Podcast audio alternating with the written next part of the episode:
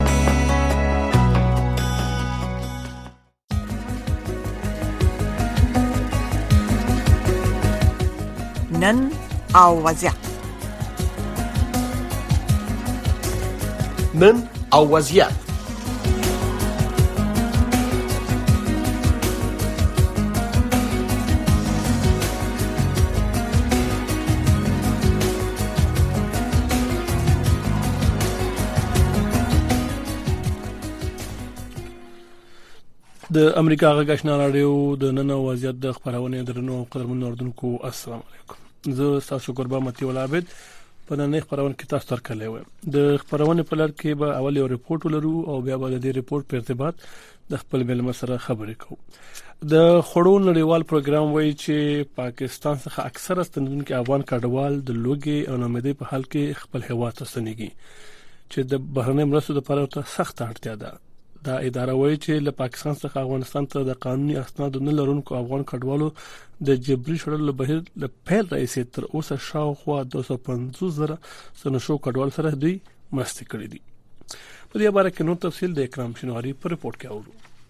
د خوړو نړیوال پروګرام وایي چې له پاکستان څخه د افغانستان سرحد ته د ستنیدونکو یو میلیون افغان کډوالو سره د مرستې لپاره د بودیجې د سخت کمبود سره مخ دي دغه پروګرام د افغانستان د دفتر ویاند ضیاءالدین صافي رسنیو ته په وسولي ویډیو پیغام کې ویلي چې د پاکستان څخه د افغانستان سرحد ته اکثره ستنیدونکو کورنۍ په ډېرې بیوزلۍ او ناامیدۍ کې ستنیږي چې بیرنۍ وبسو تارتیا لري پروګرام غذایی جهان به افغانهایی که از پاکستان بازگشتند کمک های غذایی اضطراری رایه می کنند اکثر این خانواده ها توانستند فقط مقداری از نان برای سفرشان بندی کنند و در حالی که گرسنه نامید و نیازمند حمایت هستند به کشورشان برگشتند زمانی که این خانواده ها در مرز رسند ما با آنها بسکت های غنی شده دهیم و پس از ثبت نام توسط سازمان بین المللی مهاجرت برای خریداری مواد غذایی و یا سایر نیازهای اساسیشان برای آنها پول نقد ارائه میکنیم. د خوړو د نړیوال پروګرام د ویاند ضیاء الدین ساپي د معلوماتو له مخې دغې ادارې تر اوسه دوه سوه او پنځوس زره ستانه شوو کډوالو سره د خوراکي توکو او د ملګرو ملتونو د مهاجرت نړیوالې ادارې د نغدو پیسو مرستې کړي. در این ماه پروگرام غذایی جهان تقریبا به 250 هزار عدد کنندگان کمک کرده است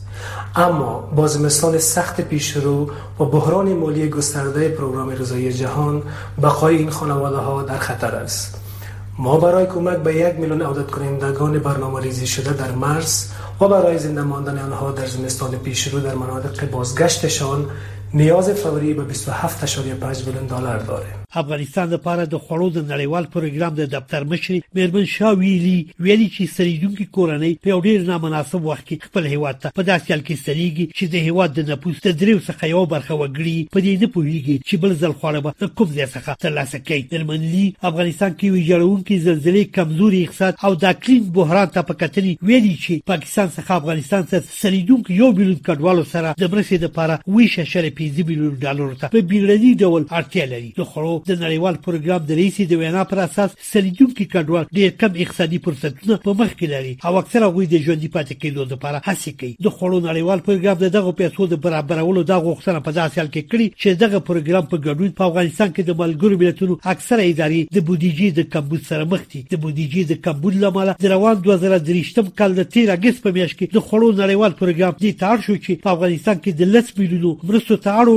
افغانانو باندې خپلې مرستې بندې کړي د دې ونې په سر کې د بشرپاله مرستو په برخه کې د ملګرو ملتونو د عمومي منشي مرستیال اعلان وکړ چې له پاکستان څخه سریدونکو افغان کډوالو د لومړنۍ اړتیا د پوره کولو لپاره یې لس میلیون ډالر ځانګړي کړي دي د پاکستان حکومت د اکتوبر د میاشتې په دریمه له دغه هیواد څخه د یو اعشاریه اووه میلیونو قانوني اسنادو نه لرونکو کډوالو د ایستلو پریکړه وکړه او دغه کډوالو ته د نوامبر د میاشتې تر لومړۍ ورځې مهلت ورکړ چې له دغه هیواد څخه ووځي او کنه له ټاکلې نیټې وروسته به ونیول شي او خپل هیوادو ته واستول شي ملګري ملتونه وایي چې د افغان کډوالو د ایستلو د بهیر له پیل څخه تر اوسه درې سوه او پنځه اویا زره افغان کډوال له پاکستان څخه خپل هیواد ته ستانه شوي خو د طالبانو حکومت ویاند ذبیح الله مجاهد له پاکستان څخه د ستنېدونکو افغان کډوالو شمېر له څلور سوه زرو څخه زیات ښیي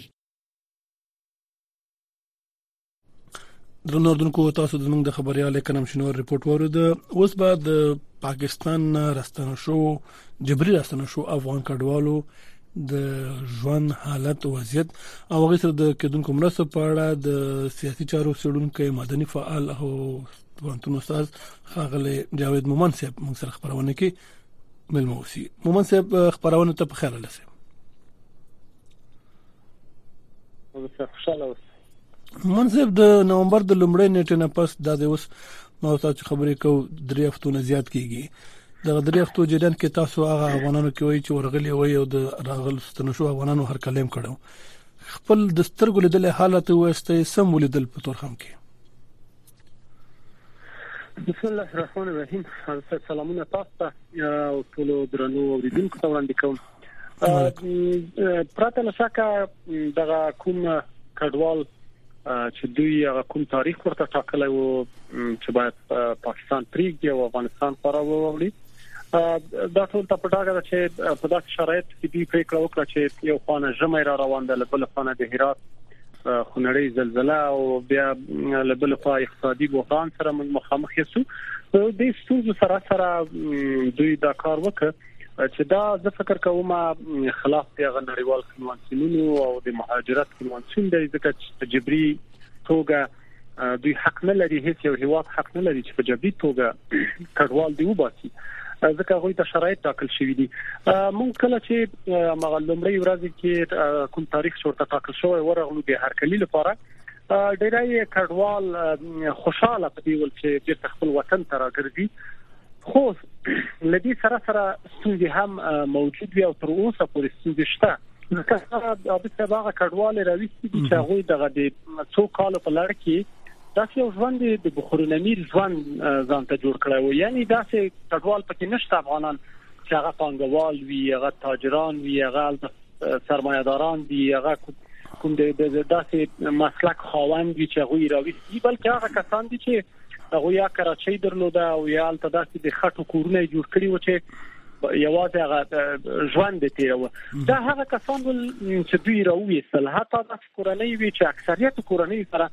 لس زره کلدارې هم په جیب کې نه وي په داسې کورنۍ وي چې عادت ته بغه ځای نه سره اړیکې نیولې چې د دغه د لارې کرایه ورسره نه و په یو موټر کې اته شپارس کورنۍ هم په دغه غټو ټیلری موټرو کې شپارس کورنۍ هم ځای پر ځای شوې وي د دې لپاره چې دوی د کرایي وخت ورسره نه وو څو کورنۍ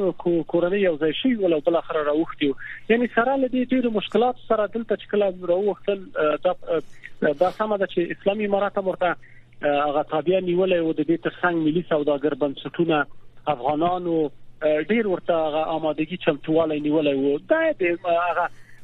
لاند پلان یا لاند وخت لپاره کفایت کوي ولی مهال پلان لپاره دغه کډوال چې را راوړي تقریبا نیم میلیون ته رسیدلی نو دا د څه یو خدا چې دلته په خپل افغانان له فقر سره کمزوري اقتصاد سره مخامخ دي دوی د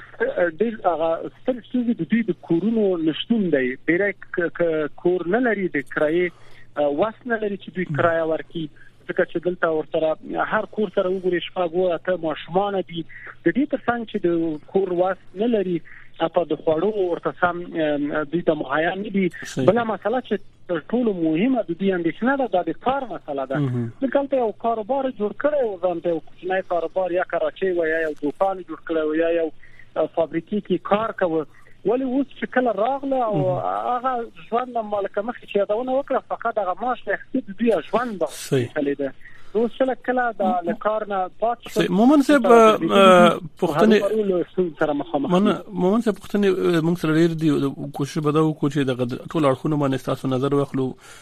څه مو چې لیدلي دي څه مو اورېدلي دي هغه خپله تجربه او خاطره او مشاهده راته ووایاست که د دوی د خولې نه چې تاسو که راته دا ووایاست چې پاکستان نه چې دوی کله را ایستل دوی سره څنګه چلند شوی موږ داسې هم اورېدلي چې جایدادونه یې ایثار کړي دي د 50000 روپو نه زیات یې ورسره پرېښي نه دي مالونه یې ورسره نه دي پرېښي دغه خبرې تاسو واورېدې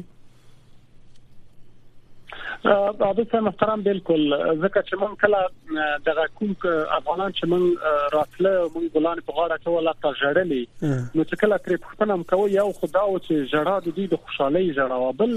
ډیر ته تنګشي ویول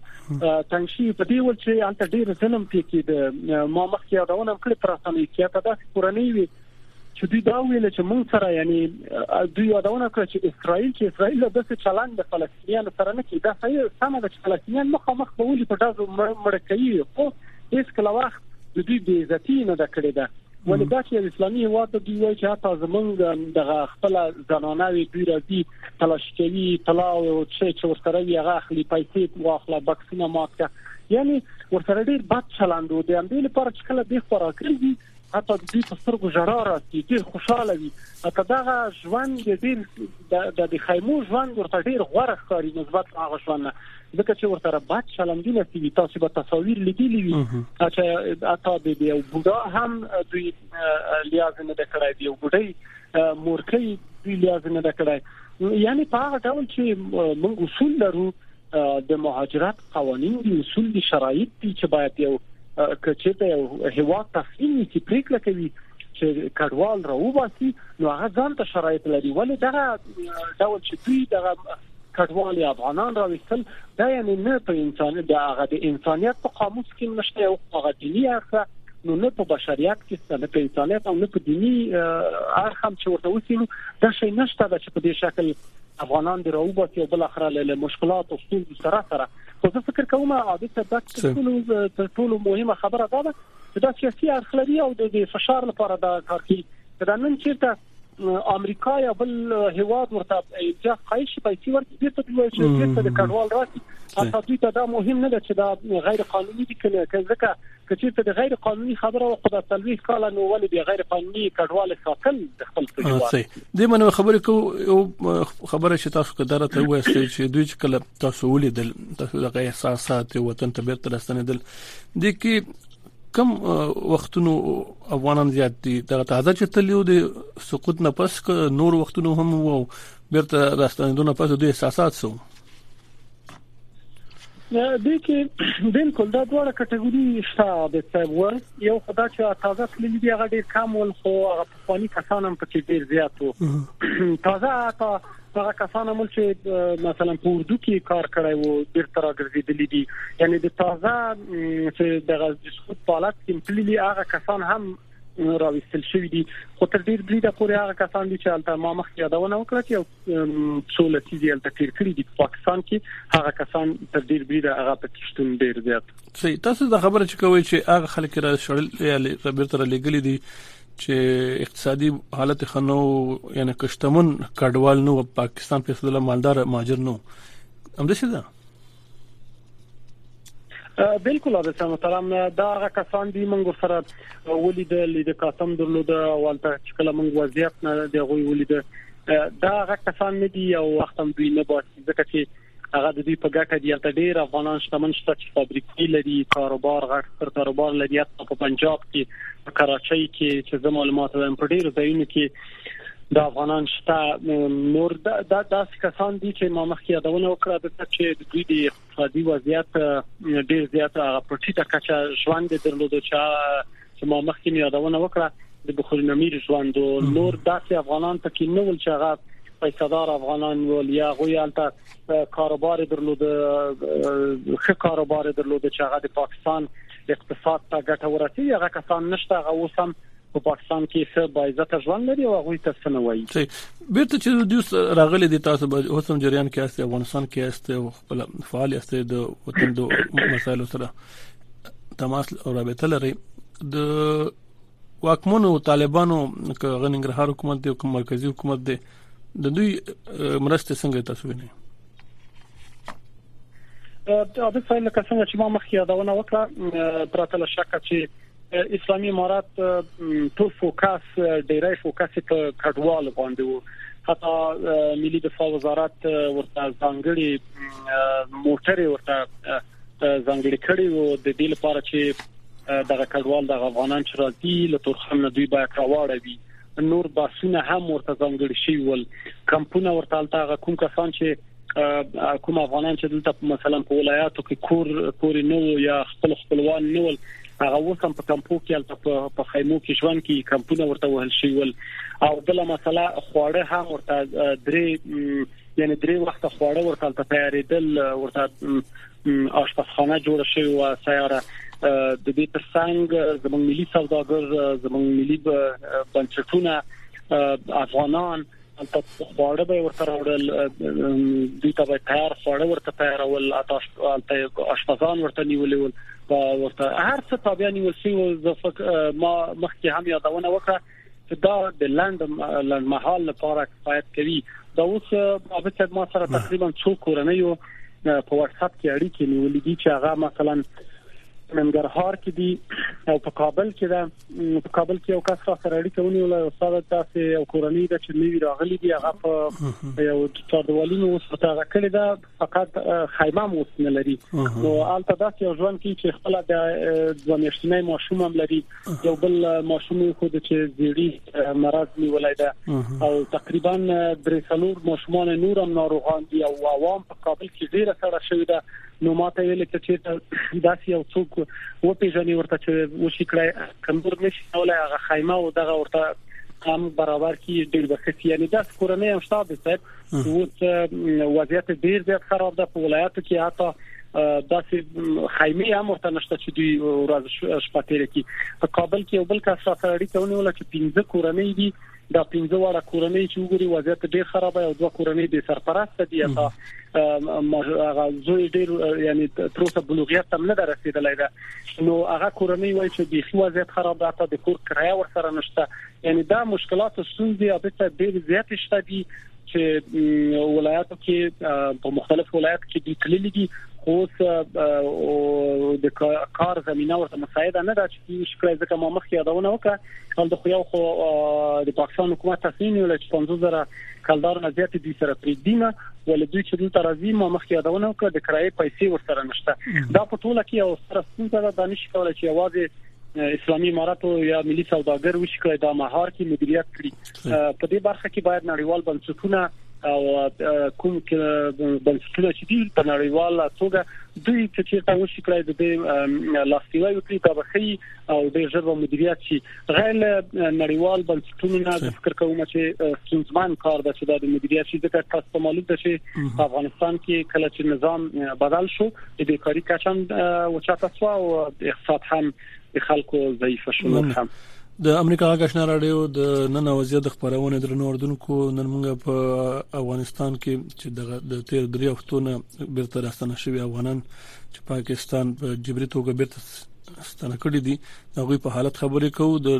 خورو نړیوال سازمان وایي چې دوی سخت مشکلات سره مخ دي او لګي او نومېدې په حال کې دي خاغلی استاد جاوید مومن صاحب را سره دی چې د افغان کډوالو هرکلي د لپاره تور هم د ورغلی وو او الته د غوي حالت د نږدې نه دلیو محترم مومن سه تاسو دغه د ولسی روحي باره کې کړه ته وسته یو لګ اندونه خو موکړه چې د چراغ ل هرکلي ته خلک ورغلی او په خواړې ورته راوړو نور مجموع کې هغه افغانان چې په افغانستان کې میشتي د خپل وطنوال ته څنګه دغه هرکلي ویل دي بالکل عابد صاحب یو خدا چې افغانان بدبختانه کوی ما دغه څلويخ 15 څلويخ کاله زمونږ له گاونډیو نه شي خاطرې نه لري او خاص توګه له پاکستانه دا افغانان ډیر حساس دي د دې هوا وړاندې او د دې لپاره چې پاکستان سره ډیر حساس دي نو ټول افغانانو کوشش دا و چې خپل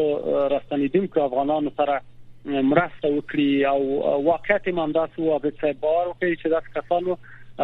دا خبره وکړه چې موږ به د خپل ډوډۍ نیمو خو کډوال د غراستنیدونکو افغانانو سره به شریکو او دا ثابت هم کړه ننګرهار کې چې موږ کله ولو د شینوارو قوم په خپل هر ورځ به د سرک لغاړې التزای جوړ کړو دوی د دیګان باندې کړو چې کله به د موټر راتلې دوی ته به پاخه خواړه ورکول همداسې په ننګرهار په مختلفو ولسوالیو کې په خپل په تورخم کې لکه څنګه چې ما ویلې مونږ کله چې لاړو هغه ورستای تاریخ وو نو دومره رسامي هم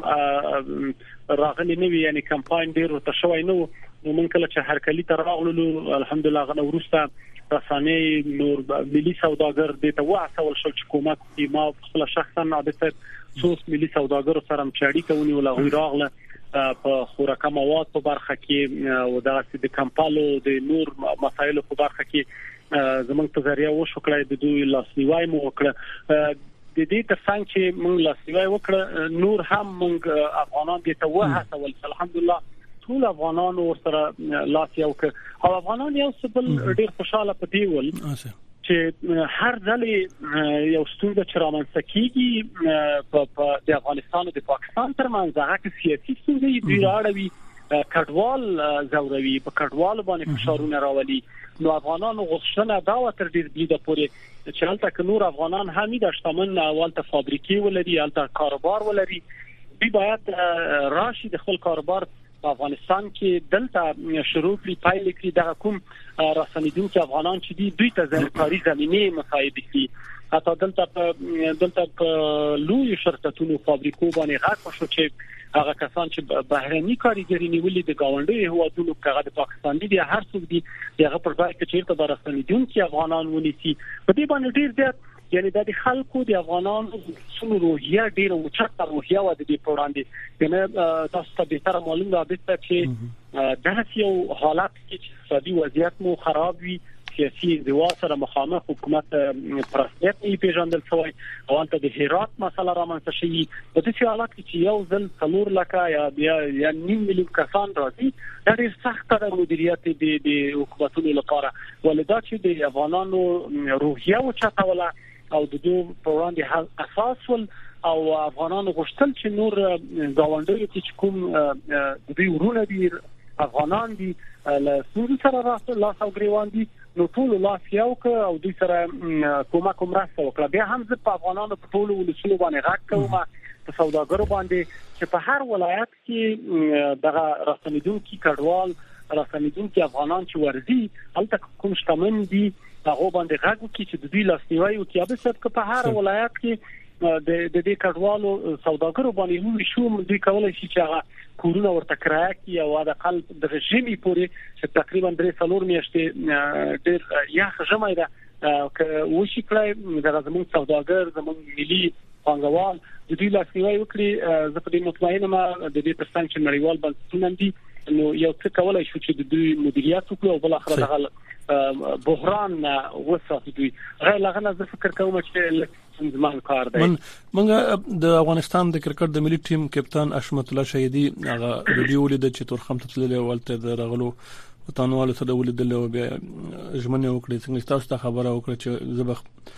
ټول هغه افغان تجارانو او شتمنو نه هیله وکم چې په خپل خپل حالت کې حیثیت کې د خپل وطنوال سره د سخت وخت کې ودرېږي خپل امریکا ته راغلي د سبا دلته په کالیفورنیا کې د مرستو راغونډولو یو غټ پروګرام ورته نیول شوی دی چې حشمت شهید سره به خلک همکاري کوي او د پیسې بیرته هغه افغانان ته وړي چې هغه نه راستنه شوې دي تاسو فکر باندې د شانت ملي سیرې ملي مشهور خلک یا ټولنیز رسنۍ کې فعال خلک دوی سم مسولیت لري د خپل نو راستنه شو افغانان د حقوقو لپاره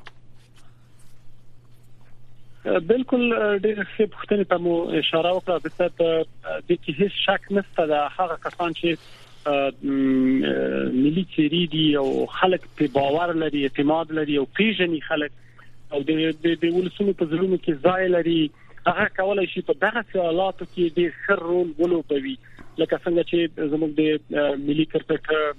لوبغاړی او کپتان شاهدی صاحب چې زه فکر کوم دا هغه قهرمانان دي چې د افغانانو هر وخت کې د افغانانو په شونډو مسکا راوستي ده د دې ترڅنګ چې دوی د خپل په هغه لوبو کې خپل په هغه په ورزش په ډګر کې ځلیږي او افغانان ته خوښي راوړي دا ډېر د خوښي ځای دی چې نن زموږ کپتان د ملي ټیم کرکټ کپتان دی امریکای ته او زه په دې مطمئنه یم چې ډېر افغانان به په امریکای کې ورته راټولېږي ډېر سوداګر حتی د دې ترڅنګ چې هغه ملي پانګوال به ورته راټولېږي د هغه ترڅنګ به هغه افغانان هم وي ان شاء الله چې هغه ډیر وړوکی کاروبار لري خو د دې لپاره د یو ملي احساس لپاره به راټولېږي او لاسنیوای به د شهیدي صاحب کوي او شهیدي صاحب به بیا د زموږ د راستنېدونکي افغانانو لاسنیوای کوي دا زما له نظره زه فکر کوم چې ډیر ښه یو اقدام دی زه په ټولو افغانانو باندې غږ کوم حتی د د دې ترڅنګ چې شاهدي صاحب دا کار کړی دی زموږ د کرکټ ډیر نور اتلان دي لکه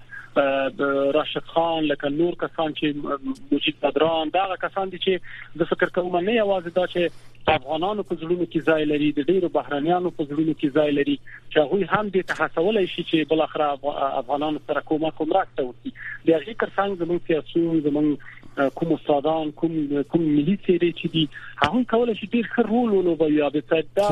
له دغه فرصت نه کولای شي ښه ګټه پورته کړي افغانان سره منسجم کړي په یو وحدت سره په دغه سي بحراني حالت کې موږ کولای شو چې افغانان راټول کړو لکه څنګه چې ما مخکې یادونه وکړه د سمو چې کله تورخان ته لاړلو نو هغه کومه ویډیو چې جوړ کړه هغه صرف یوازې د دې لپاره نو چې موږ د دغه راستنیدونکو افغانانو هرکلی وکړو دا یو اړخ وو ولې بل اړخ دا و چې موږ افغانانو ته انګیزه ورکړه سوداګرو ته مو انګیزه ورکړه چې دغه وخت د بیړانې وخت دغه وخت دا ما او چې موږ تقریبا د د د د درې څلور سوداګرو چې غړغ سوداګرو دغه غږ مو ورسو بل اخر هغه دې ته حاضر شول چې په ملیونونو افغانۍ دوی راشي خوراکه مواد کمپلي او نور هر څه کومک وکړي او مرسته وکړي عادت صاحب نه اواز دا چې د راستنیدونکو په اړه دغه ملي څېرې او ملي سوداګر کولای شي چې بحران حل کړي حتی زمونږ په نورو ډیرو برخو کې کولای شو په افغانستان کې دغه څه غږ اوچت کړو ان شاء الله زه په دې مطمئن یم چې افغانان به یو غږ سره په وحدت سره راټولېږي او بل اخره د ډیر غټو غټو سترو ستونزو د حل لپاره به د حل لارې پیدا کړي روسته دوه دقیقې پاتې دي غواړو د دې ټول موضوع یو خلاصو کو تاسو نه مننه چې معلومات هم شریک کړل مشورې چې تاسو ووردل خاطرې د شرایط کوم نه غوي تیریږي افغانستان کوم حالت کې چې د او یو ورځ به څو خلک راستنی کې وطن د مهاجرت ډیر موجود شي د وطن خکېرې نشي سړی کار وطن کې بیا هم به وطني او یو ورځ به بیرته راستنیږي دغه چې راستانه شوې دي او چې روان دي دوی د پر د وګدې مودې یا د دایمي ژوند د وسیدو د پرتا څه مشوره لري چې څه کم کم کارونه وشي چې د پاخه په وطن کې پاتې شي خپل بالکل د څه مطلب ډیر څه ټیټه اشاره او ډیره ښه پښتنه هم ځکه چې ځای لري چې باید اشاره وکړو غیته په دغه کډوالو کې عبد صاحب ما یو څه پیدا کړ چې هغه کولای شو موږ له دوه څخه کار واخلو دا صحیح ده چې په دوه کې هغه څه متخصصین نشته چې موږ هغه توقع لرو ولې عبد صاحب ته ځینې کسان دي کله چې موږ ولید د ځینې کسانو مثلا کولای شي دغه د بوټانو په فابریکې کې الته کار کړی وو د دې کار ته مثلا څنګه بوټان جوړیږي تولیدیږي د ماشينري باندې پیږي ځینې کسان دي پکې خیاطان دي مثلا خیاطي زده ما سره شخصا په خپل څو کسان اړیکه ونیول کړ چې تال په کابل کې موږ د داسې یو ځای پیدا شي چې موږ شو کړای د خپل دلته اوس کړی د خیاطي داسې یو مارکیټ کې موږ ته ځای راکې موږ یعنی په معنا چې دغه وړو کې کسبونه دوی زده دي چې ته موږ غواړو چې دوی ته د کار زمينه برابر کړو یو خدای کولای شو دغه څه زموږ سوداګر د دوی لپاره کولای شي ځینې فابریکې وړي وړي پیدا کړي په هر فابریکې کول شي په ټولګونو کسان په کار بوخ شي د دې ترڅنګ چې دا کار کولای شو بل کار چې ډیر مهم هغه دا ده چې موږ کولای شو د کوم سوداګر مو چې دلته دي دلته فابریکې لري په ډیر ارزانه بیه لکه ما چې مخکې یادونه وکړه له نورو کاریګرو نه دوی کولای شي چې ښه کاری فرصت دوی ته مهیاس یو ښه کولای شي چې کار وکړي ځکه دوی هلته روزل شوي دي په دې برخو کې او دوی نه کولای شي چې موږ کار واخلو او بل په ټوله کې د پښتنې تکراوګل کې عابد صاحب دا د ټول افغانستان سوی دا د یواز د سوداګرو نه ده موږ هغه وخت کولای شو چې هم دوی ته رسیدګي وکړو چې په ټوله کې د حکومت پالیسی بدل شي یعنی په دې معنی په رسمیت وپیژندل شي او بل اخره په نړیوال نظام کې دوی اړیکې اړیکې جوړې شي او بل اخره دلته بیرته دولتونو د خپل اړیکې جوړې کړي سفارتخانه خلاص شي هغه نو وروسته موږ کولای شو چې کاري زمينه برابر کړو د دې ترڅنګ د حکومتونو دا دنده ده دا اوس غوري سمټ چې اته دلته په هرات کې چې بیرته د فابریکي فعال کیږي دلته په زرګونو کسان په کار بوخت دي منن مومن صاحب تشکر بخنه کوي د پروډوسر ته اشاره وکړه چې خبرې خې د خو وخت کم شو نن ان شاء الله تاسو به نور خبرونه کوي بیا زحمت درکو تاسو نه نور خبرې وورو ته وخت نه د زحمت نم ډیره مننه کوم ده درنو دونکو هم د سره زمونږ نننې خبرونه د نن وضعیت پای ته رسیدي سو شیبو کې د ستاسو غږ خبرونه پیلون کړه منتظر اوسئ ماته اجازه راکړئ الله